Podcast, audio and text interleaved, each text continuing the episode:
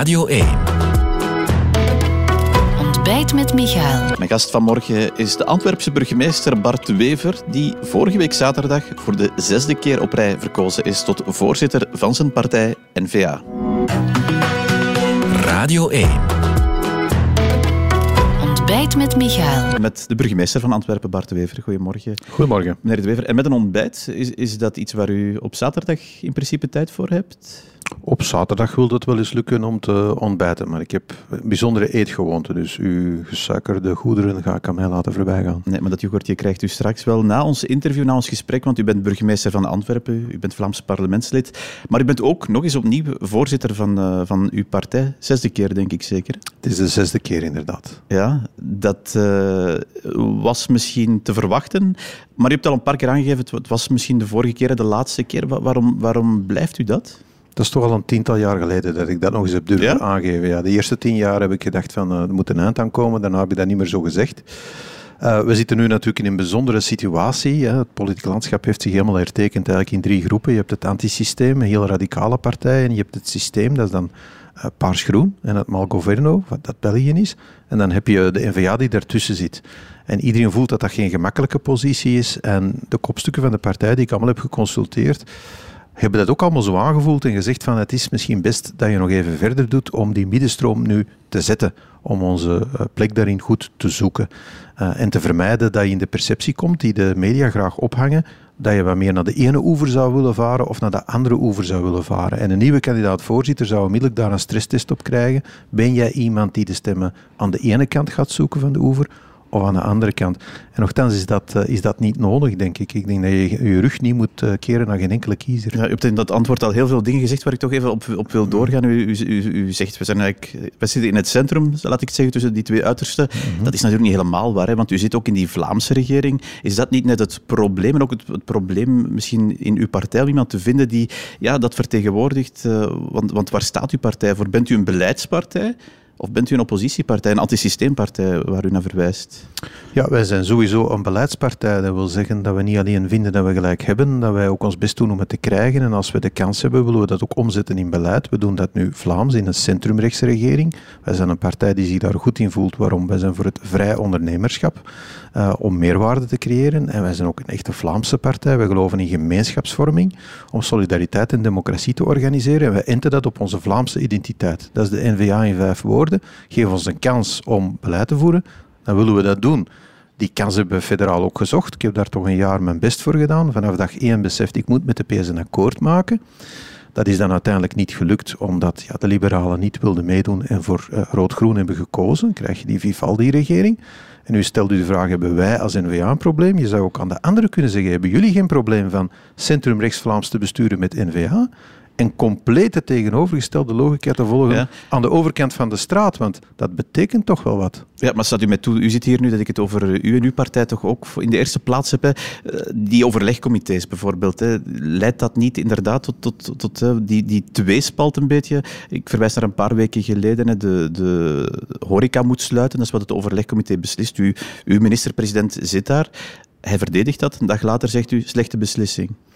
Ik heb niet gezegd dat het een slechte beslissing is. Ik heb gezegd, ik snap dat voor cafés, ik snap dat voor feestzalen, dat is een no-brainer. Ik snap dat minder voor restaurants die enorme investeringen hebben gedaan. En ik snap ook niet de hele korte termijn van ingaan, want dat zijn mensen die met voorraden werken en je stort die in de miserie. Maar als dat beslist op het overlegcomité, heeft Vlaanderen de beslissing altijd loyaal uitgevoerd. Maar ik verheel u niet dat zo'n overlegcomité, dat dat vaak doffe ellende is natuurlijk voor ons als uh, grootste partij in de Vlaamse regering.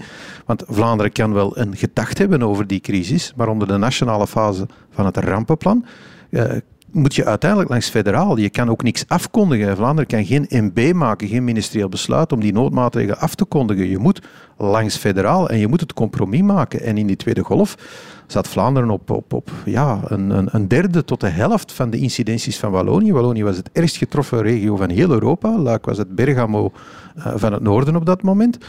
Dus uh, ja, wij werden wel een stuk meegetrokken daarin. In Vlaanderen ging het nu ook niet goed. Hè? Dat, ja, maar u dat hoort mij niet zeggen. Wij verdedigen gewoon die beslissing die wij mee aan die tafel hebben genomen. Maar we hebben die uiteindelijk allemaal loyaal uitgevoerd. Maar je mag nog wel je opinie, denk ik, hebben over dingen. Je kan stellingen verdedigen die je niet binnenhaalt. Daarna verdwijnen die ook niet. Hè? Ik denk dat het transparant is voor de burger. Ja, je maakt daar het compromis. Je kan ook niet anders. Je kan ook niet zelf dingen doen.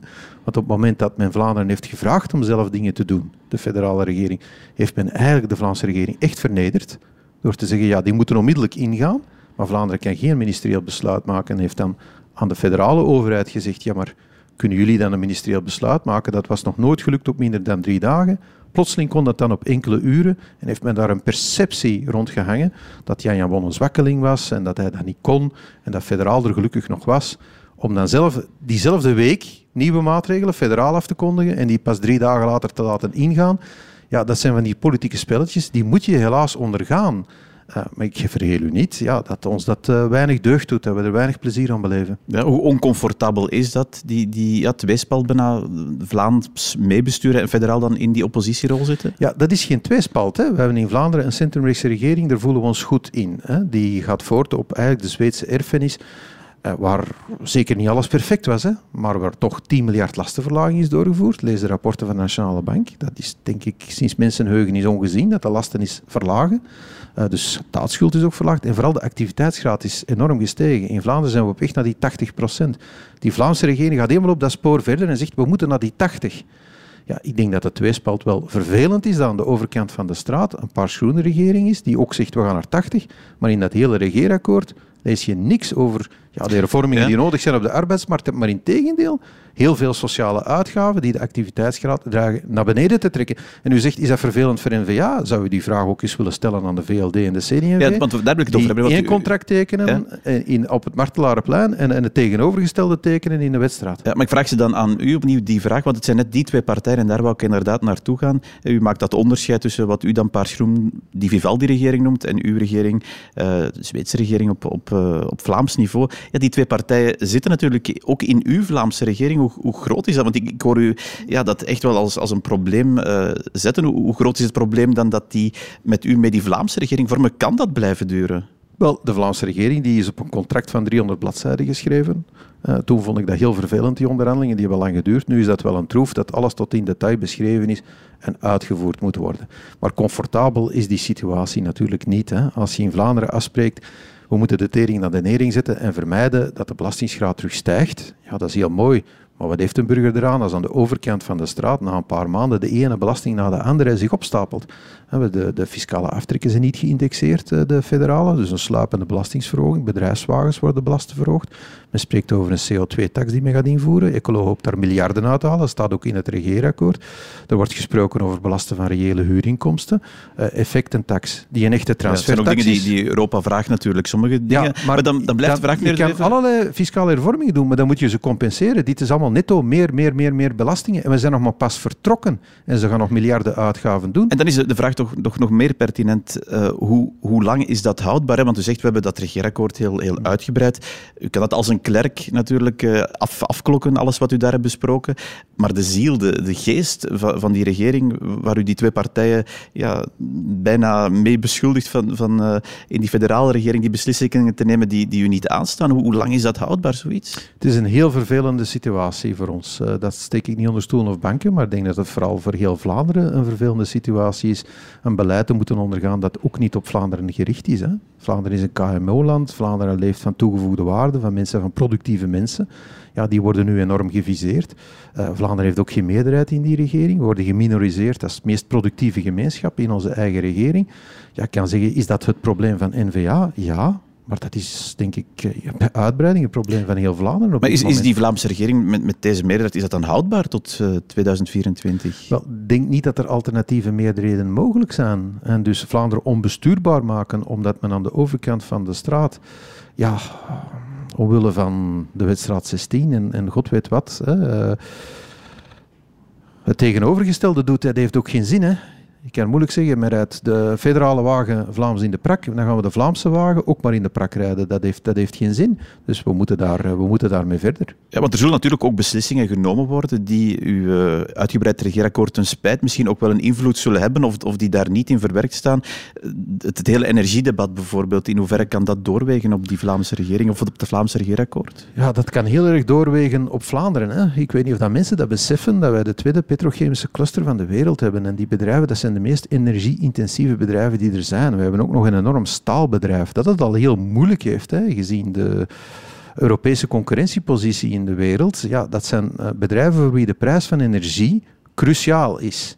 En als je natuurlijk zegt, we gaan in die kernuitstap volharden, en uh, binnen een paar jaar gaan die centrales uit, terwijl die nu nog de helft van alle elektriciteit leveren, dan creëer je een totale onzekerheid over de bevoorrading van energie, die cruciaal is, maar vooral ook over de prijs uh, van die energie. En dit is totaal onverantwoord en men weet dit. Want ik heb dat onderhandeld met Majet en die zei natuurlijk gaan we die openhouden. En de SPA zei natuurlijk gaan we die ja, openhouden. Want u heeft het met de Zweedse regering wel bevestigd natuurlijk, die sluiting. Nee, dat is niet juist. Dat nee? is, dat, die misvatting moet er nu toch eens uit. De vorige paarsgroene regering, hè, die heeft de kernuitstap gestemd in 2003. Wij hebben bij de Zweedse regering gevraagd, jongens, laat ons daar alsjeblieft op terugkomen. Maar de anderen wilden dat niet, maar zeiden, kijk, als het zover is, gaan we die wel openhouden. Ten bewijze, we hebben onmiddellijk de verlenging van doel 1 en 2, de levensduurverlenging, gestemd. Aan zeer gunstige voorwaarden. We hebben daar een mooie nucleaire rente voor gekregen. Het was in de sterren geschreven dat men dit ook voor doel 4 en Tihange 3, de recentste centrale, die van 1985 gebouwd zijn, die nog lang mee kunnen, eh, dat men dit nu ook wilde doen. Dat was de gemakkelijkste onderhandeling die ik ooit heb gevoerd. In die bubbel van vijf van deze zomer zei ik kerncentrales openhouden. Drie seconden later had ik een akkoord. En men wordt nu meegesleurd door de groenen in de afgrond. Wij gaan de meest vervuilende energieproductie hebben van heel Europa na Polen. De duurste, om uiteindelijk wat te bekomen. Zegt u nu, die, die vijf partijen waar u deze zomer mee samen zat, die bubbel van vijf van, van toen, die willen dit eigenlijk niet, dat zegt u dus? Nee, en ik bied hen bij deze ook een wisselmeerderheid aan om die wet op de kernuitstap onmiddellijk terug te draaien. Want ik denk eerlijk gezegd dat ze van hun stoel gevallen zijn door de handigheid van Tine van der Straten, die dat dossier zeer goed kent, om heel snel te manoeuvreren. En men had eigenlijk niet verrast mogen zijn, want ik ben in de zomer naar Doel geweest. Ik heb daar lang met de bedrijfsvoering uh, gepraat uh, van Engie. En die hebben mij toen al gezegd, het is dit jaar dat wij moeten beslissen om heel veel te investeren. Om die twee jongste centrales nog 10, 20, 25 jaar, dus dat is geen probleem. Om die open te houden, doen we dat dit jaar niet, dan worden volgend jaar de kosten exponentieel veel hoger en gaan we die installaties moeten stilleggen. Dus vooral duidelijkheid. U stort ons ook nog eens in de onzekerheid. U zegt die kernuitstap, dat, dat biedt die wisselmeerderheid aan. Dat is een principiële beslissing die waar u vanaf wil stappen. Uh, absoluut. En ik vraag daar niks voor in ruil. Dus men kan onze stemmen krijgen. We zijn de grootste partij. Ik denk dat de tweede grootste partij ook pro-kernenergie is. Dus daar liggen massa zetels te rapen. En ik bied ze aan zonder prijs. Als men zegt deze waanzin dat we naar de vuilste elektriciteitsproductie na Polen zullen gaan, met een enorme prijsverhoging voor de consumenten en de bedrijven. En bovendien nog eens de onzekerheid, zal er wel elektriciteit zijn? Ja, dit is zo rampzalig dat we dat ten alle prijzen moeten vermijden. Als men kijkt wat er in Duitsland is gebeurd, hè, waar de prijzen 70% hoger zijn dan Frankrijk, waar men op kernenergie leeft. En waar Duitsland elk jaar 5% meer uitstoot CO2 realiseert. Hoe kan het een goed idee zijn om diezelfde weg op te gaan? Ja, die bevoorradingszekerheid, dat is waar u, waar u het uh, ook over heeft dan, vermoed ik. Vlaanderen kan daar natuurlijk wel in anticiperen door uh, die vergunningen voor die gascentrales, want dat moet Vlaanderen wel doen te geven. Daarvan zegt uw minister, bevoegde minister Zwaldemir dan, ja, maar die gaan we niet zomaar geven. Maar dan bent u wel natuurlijk een, een heel vreemd spel aan het spelen. U wil die bevoorradingszekerheid garanderen, maar u wil wel niet meegaan in, in het alternatief ervoor. Nu, gascentrales bouwen om die nucleaire capaciteit te vervangen, dat is gewoon crazy. Hè? Dus je gaat fossiele centrales bouwen, 40 keer. Dat is een ideologische discussie natuurlijk. Dat is niks ideologisch aan. Dit is gewoon crazy. Dit is een rationele discussie. Dat is net mijn verwijt aan de Groenen. Ze kennen dat dossier zeer goed, hè, Tine van der Straten, maar ze benadert die dogmatisch ideologisch, vanuit bijna dogma's. Kernenergie is slecht, punt. Terwijl heel wereldwijd de nucleaire capaciteit stijgt. Hè. Daar komt uh, horizon 2040 nog 50% bij. U spreekt over gascentrales. Nu moet u weten, die zullen zwaar gesubsidieerd moeten worden. Honderden miljoenen per jaar. Dat op dit moment Europa ons niet eens toestemming geeft om die staatssteun te geven. Het is maar zeer de vraag of dat Vestager, de Europese commissaris, dat zal doen. En wanneer zal ze dat doen? Dat zal nog lang op zich laten ja, Maar die vergunningen die kan de Vlaamse regering natuurlijk wel geven. Ja, maar wij kunnen geen vergunning geven op het moment dat er niemand wil bouwen. En er zal niemand willen bouwen voordat die subsidies zeker zijn. En nu moet je toch eens, dat is toch een no-brainer. We hebben nog vijf jaar. Je moet de toestemming van Europa nog krijgen. Dat kan lang duren. Dan moet je nog bouwvergunningen krijgen. Dat kan lang duren. En dan moeten die centrales in 25 operationeel zijn. Ja, maar wie gelooft zo'n dingen nog? Men stort ons hier in de totale onzekerheid in een regio die zwaar geïndustrialiseerd is en voor wie energie, elektriciteit cruciaal is. Uh, ons investeringsklimaat hier in Antwerpen. Wij zijn de laatste jaren erin gelukt om heel veel investeringen aan te trekken. Je ziet dat bedrag jaar na jaar stijgen. Zelfs grassroots investeringen, wat men in Europa al lang niet meer heeft gezien in die sector. En men legt daar een tijdbom onder, want die bedrijven die willen weten, als ze miljarden investeren, wat de commodityprijs zal zijn. En die willen dat niet weten over 1, 2 jaar, die willen dat kunnen zien op 20, 25 jaar. Maar dat principieel bijna weigeren van vergunningen te geven als die vragen er, er zijn. Vindt u dat een goede zaak dan? Maar dat heeft niemand gezegd. Dat bij principieel weigeren. ja, principieel weigeren hebben we niet gezegd. We hebben gezegd ja, we zijn nog, is wel dat woord. We zijn nog zeer ver van dat punt. Hè? En ik kan u niet verhelen, politiek, dat dit absoluut ons niet aanstaat. Um, en dat we zullen zien wat er gebeurt. Ik zeg het nog eens, ik bied. Er is een evidente meerderheid om niet in deze afgrond te springen.